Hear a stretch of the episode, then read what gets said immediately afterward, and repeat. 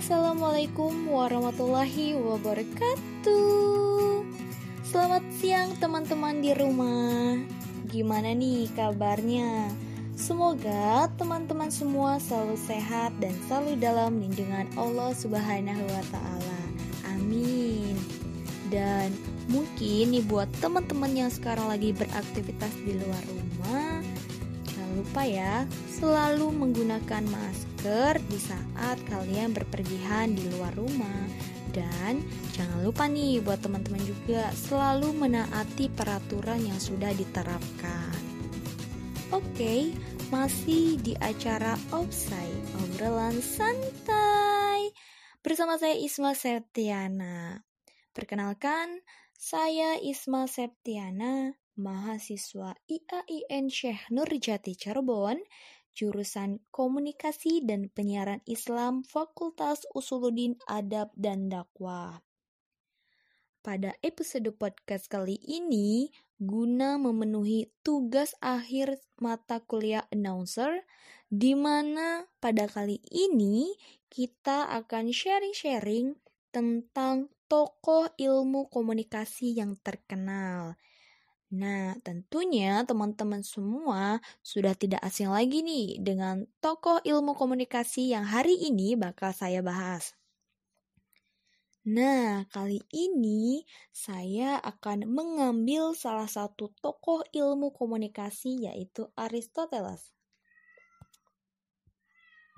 Nah, sebelum kita lanjut membahas mengenai tokoh tersebut, di sini saya akan sedikit menjelaskan tentang apa sih yang dimaksud komunikasi dan apa sih tujuan dari komunikasi itu sendiri.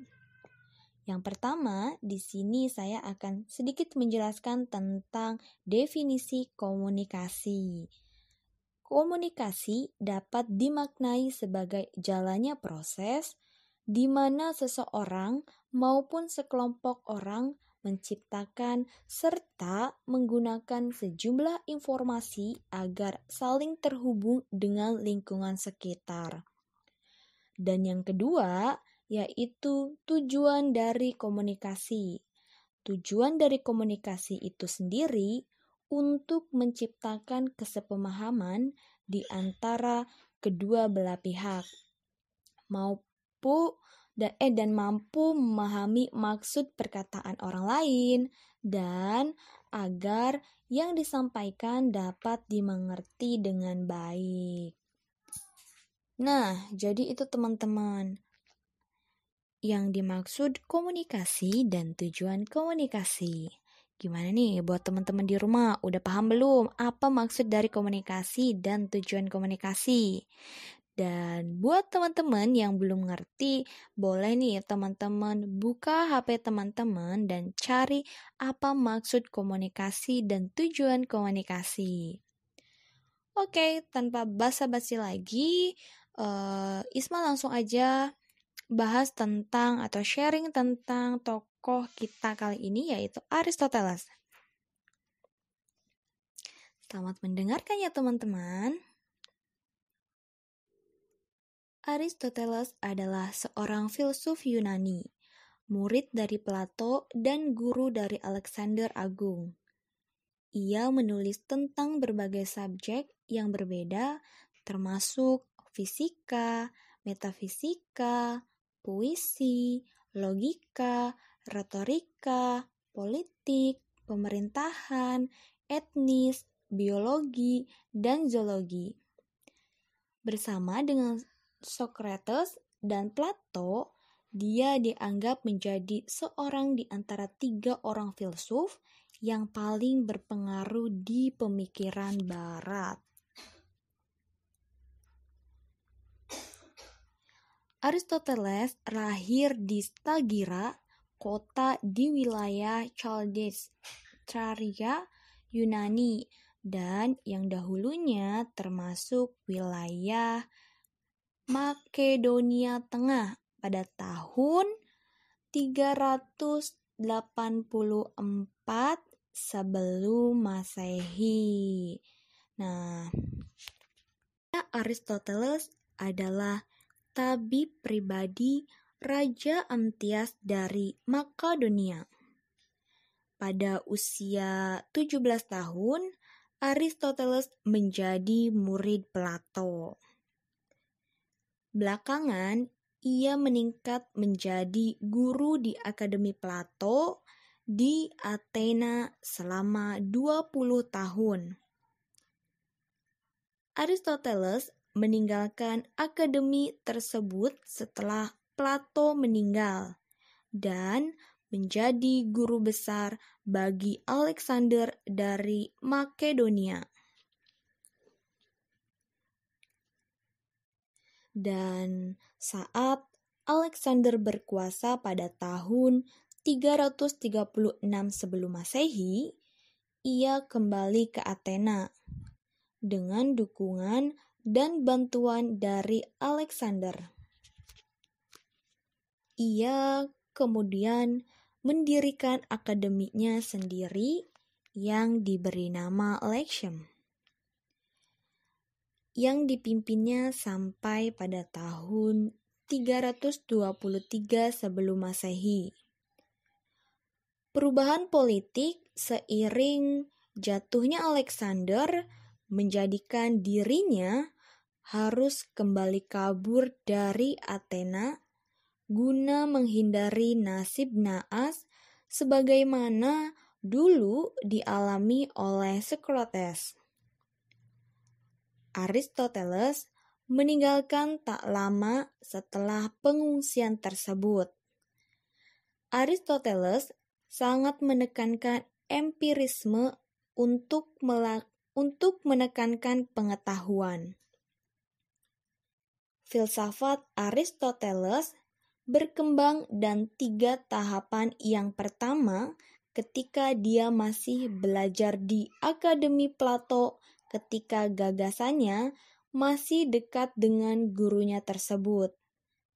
Kemudian, ketika dia mengungsi dan terakhir pada waktu itu beliau memimpin Lexem mencakup enam karya tulisannya yang membahas masalah logika yang dianggap sebagai karya-karyanya yang paling penting selain kontribusinya di bidang metafisika, fisika, etika, politik, dan ilmu kedokteran, serta ilmu alam dan karya seni.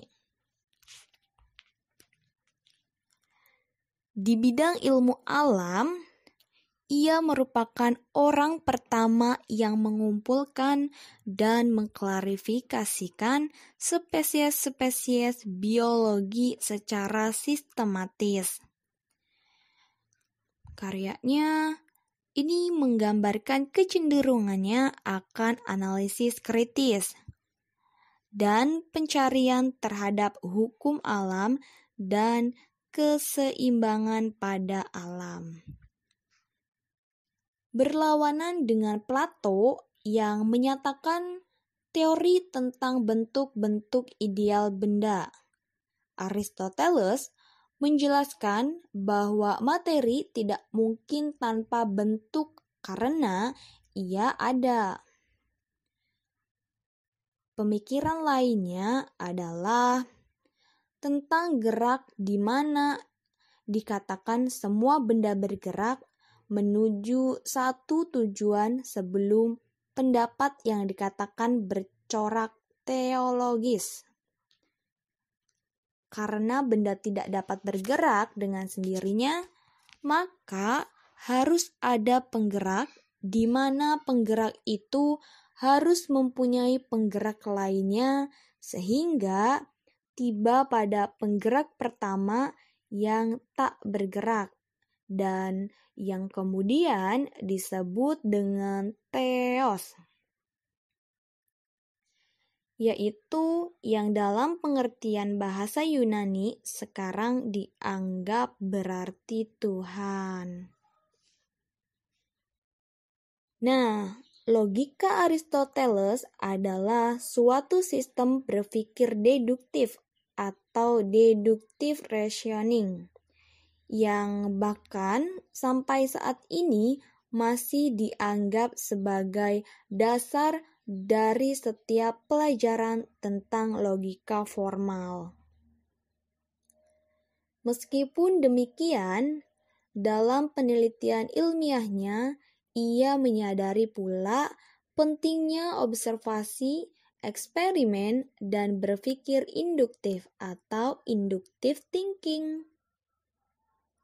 Hal lainnya dalam rangka berpikir yang menjadi sumbangan penting Aristoteles adalah silogisme yang dapat digunakan untuk menarik kesimpulan yang baru yang tepat dari dua kebenaran yang telah ada.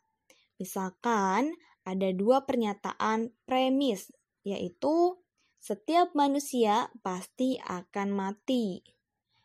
Socrates adalah manusia, yaitu adalah premis minor maka dapat ditarik kesimpulan bahwa Socrates pasti akan mati. Nah, di bidang politik, Aristoteles percaya bahwa bentuk politik yang ideal adalah gabungan dari bentuk demokrasi dan monarki. Karena luasnya lingkungan karya-karya dari Aristoteles, maka dapatlah ia dianggap berkontribusi dengan skala ensiklopedis di mana kontribusinya meliputi bidang-bidang yang sangat beragam sekali seperti fisika, astronomi, biologi, fisika, metafisika, Misalnya, studi tentang prinsip-prinsip awal, mula, dan ide-ide dasar tentang alam. Logika formal, etika, politik, dan bahkan teori retorika dan puisi. Di bidang seni, Aristoteles membuat pandangan tentang keindahan dalam buku poetik Aristoteles sangat menekankan empirisme untuk menekankan pengetahuan. Ia mengatakan bahwa pengetahuan dibangun atas dasar pengamatan dan penglihatan. Menurut Aristoteles, keindahan menyangkut keseimbangan ukuran, yakni ukuran material, dan menurut Aristoteles juga, sebuah karya seni adalah sebuah perwujudan artistik yang merupakan hasil katarsis disertai dengan estetika. Catralis adalah pengungkapan kumpulan perasaan yang dicurahkan keluar. Kumpulan perasaan itu disertai dorongan normatif, Dorongan normatif yang dimaksud adalah dorongan yang akhirnya memberi wujud khusus pada perasaan tersebut. Wujud itu ditiru dari apa yang ada di dalam kenyataan. Dan Aristoteles juga mendefinisikan pengertian sejarah, yaitu sebagai oh salah uh, pengertian sejarah yaitu sejarah merupakan sa suat, satu sistem yang meneliti suatu kejadian sejak awal dan tersusun dalam bentuk kronologi. Dan uh, pada masa yang sama, menurut dia juga sejarah adalah peristiwa-peristiwa masa lalu yang mempunyai catatan, record-record, atau bukti-bukti yang konkret. Meskipun sebagian besar ilmu pengetahuan yang dikembangkannya terasa lebih merupakan penjelasan hal-hal yang masuk akal. Banyak teori yang bertahan bahkan hampir selama 2000 tahun lamanya. Wow, cukup lama banget ya teman-teman. Bayangin tuh, Aristoteles itu mempunyai banyak karya. Hal ini terjadi karena teori-teori tersebut dianggap masuk akal dan sesuai dengan pemikiran masyarakat pada umumnya. Meskipun kemudian ternyata bahwa teori-teori tersebut salah total karena didasarkan pada asumsi-asumsi yang keliru. Dapat dikatakan bahwa pemikiran Aristoteles sangat berpengaruh pada pemikiran Barat dan pemikiran keagamaan lain pada umumnya. Penyelarasan pemikiran Aristoteles dengan teologi Kristiani dilakukan oleh Santo Thomas Aquinas pada abad ke-13 dengan teologi Yahudi oleh Maimonides pada tahun 1135 sampai dengan 1204 dan dengan teologi Islam oleh Ibnu Rashid. Pada tahun 1126 sampai dengan 1198. Bagi manusia abad pertengahan, Aristoteles tidak saja dianggap sebagai sumber yang otoritatif terhadap logika dan metafisika, melainkan juga dianggap sebagai sumber utama dari ilmu pengetahuan, atau The Master of Thought Book Now, sebagaimana yang kemudian dikatakan oleh Dance Alighieri. Dan pada usia 17 tahun, ia menimba ilmu di pada Plato, filsufus yang terkenal pada masa itu.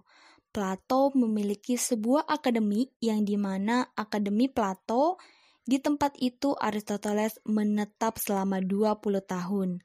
Selain menimba ilmu dari sang senior, Aristoteles juga diangkat menjadi guru di Akademi Plato. Ilmu yang dipelajari oleh Aristoteles berkembang dalam hal spekulasi filosofis. Aristoteles berhasil mengadopsi ilmu Plato dan beberapa dari ilmu tersebut bertentangan dengan pendapat Aristoteles sendiri. Aristoteles meninggalkan Akademi Plato tak lama setelah sang guru meninggal dunia. Ia kembali kampung halamannya di Makedonia pada tahun 324 sebelum Masehi.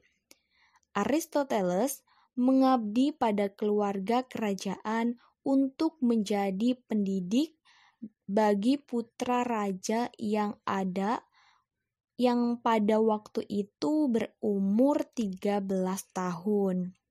Putra raja tersebut dikenal dengan nama Alexander yang agung, seorang yang kemudian hari merupakan salah satu penganut ajaran Aristoteles dan mendapat pengaruh besar dari filsufus filosof tersebut.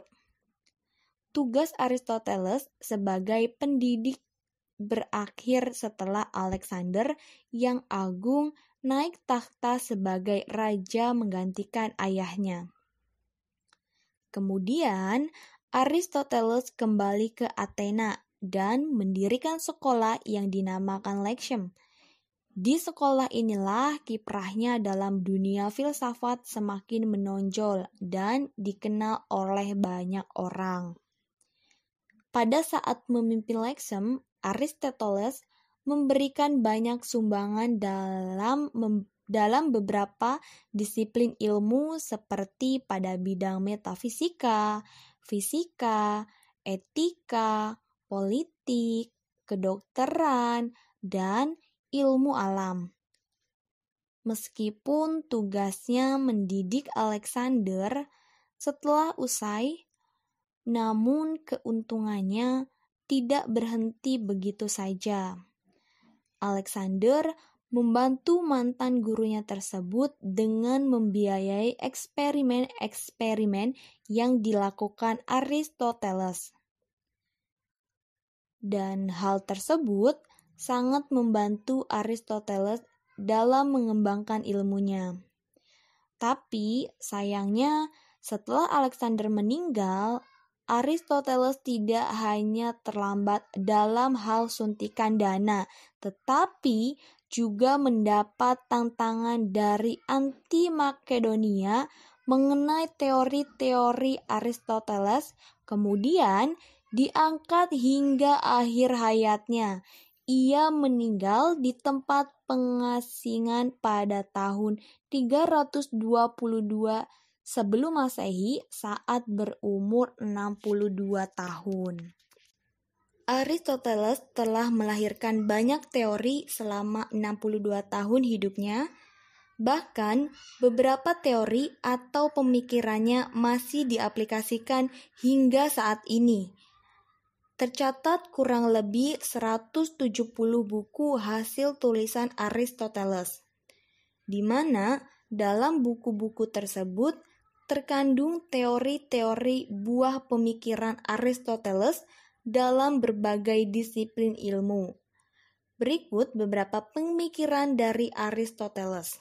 Yang pertama yaitu dalam ilmu alam, Aristoteles memberikan sumbangan beberapa teori di antaranya adalah Aristoteles dikenal sebagai orang pertama yang mengumpulkan dan mengelompokkan spesies-spesies dalam ilmu biologi secara sistematis.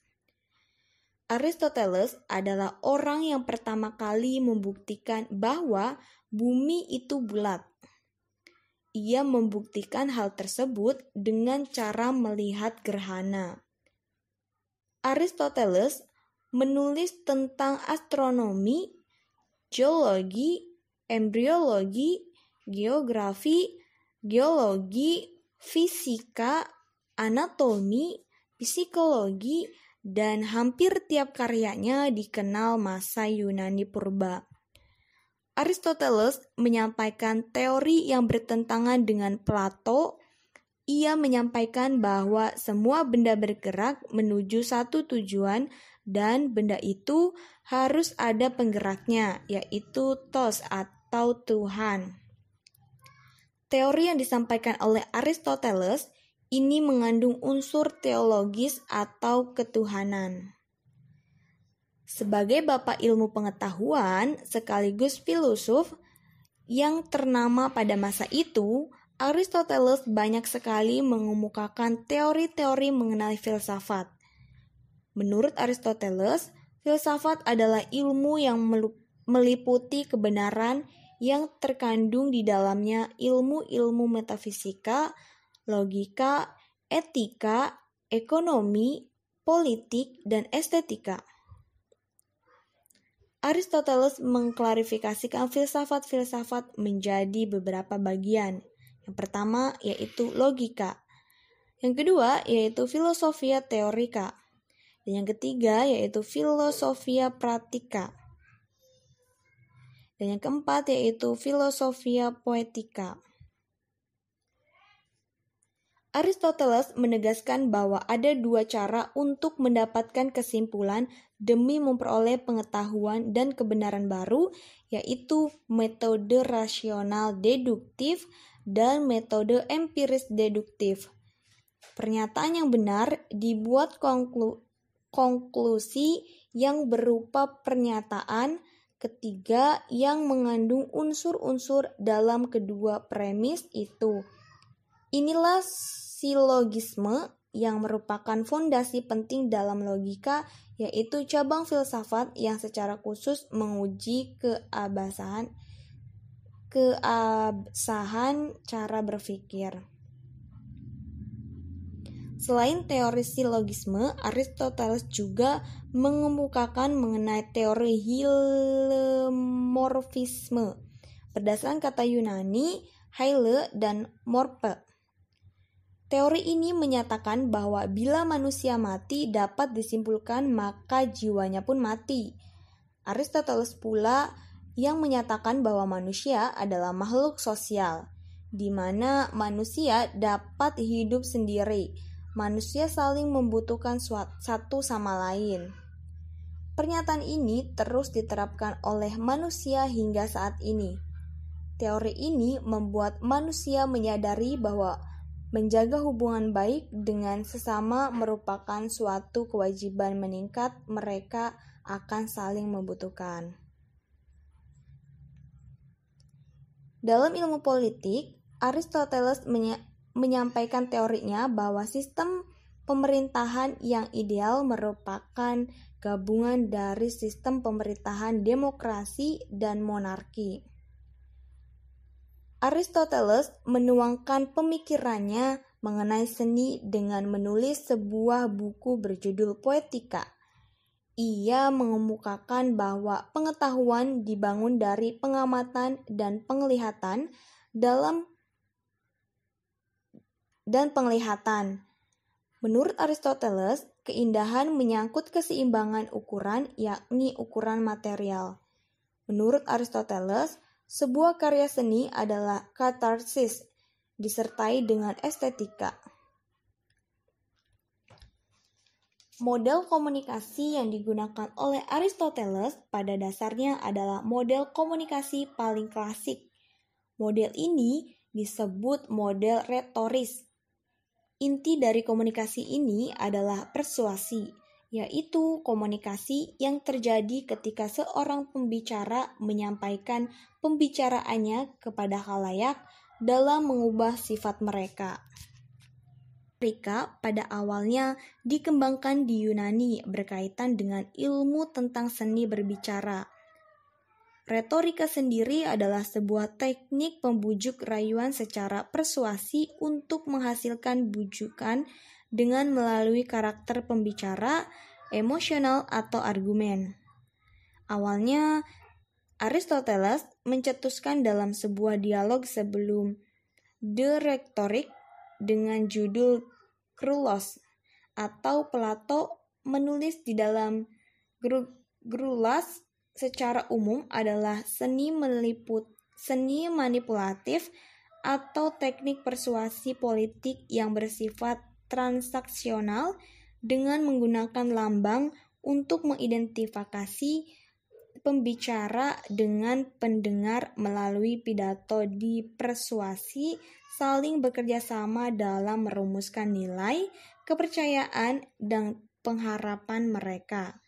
Dan ada tiga unsur komunikasi dalam Aristoteles, yaitu pembicara, pesan, dan pendengar. Aristoteles adalah orang pertama yang menulis sebagai seorang profesor. Tulisannya disusun secara sistematis, terperinci di dalam subrik-subrik di samping berbagai sebagai guru, seorang persil periset ekspresi-ekspresinya kritis, hati-hati, persains tanpa mengesankan entosensme Dionysus. Karyanya tentang ilmu alam memberikan informasi cukup tentang astronomi, meteorologi, tumbuh-tumbuhan, dan bintang-bintang. Tulisan Aristoteles tentang sifat ungkap dan dini kehidupan yang olehnya disebut filsafat yang diberi judul Metafisika pada publikasi pertama dari penerbitan pertama dari penerbit karya-karyanya kira-kira pada tahun 60 sebelum Masehi. Pada penerbitan pertama, itu juga termasuk karya Aristoteles fisika yang dipersembahkan untuk anaknya Nikoma, Nikomakus. Dia tampilkan karya tentang etika yang olehnya diberi judul Etika Nikomar, Nikomarkan. Karya-karya Aristoteles yang lain termasuk retorika, puisi, dan politik. Di antara karyanya yang dikenal adalah anganan atau logika, prior analitik, pasteria analitik, dan lain sebagainya. Dari karya-karyanya dapat diketahui tentang pandangan-pandangan dia tentang beberapa persoalan filsafat, Logikanya disebut logika modern. Logika Aristoteles itu sering juga disebut logika formal. Bila orang-orang sofis banyak menganggap manusia tidak mampu memperoleh kebenaran. Namun beda dengan Aristoteles. Aristoteles dalam metafisik metafisik menyatakan bahwa manusia dapat mencapai kebenaran dari segi banyaknya dari segitu banyaknya ada dua karya Aristoteles yang menarik dicermati, yaitu buku Etika Nikomahela dan Politika. Nah, jadi itu teman-teman sekilas tentang tokoh ilmu komunikasi yaitu Aristoteles. Nah, gimana nih teman-teman? Semoga dapat bermanfaat ya buat teman-teman. Oke, saya akhiri podcast kali ini. Wassalamualaikum warahmatullahi wabarakatuh.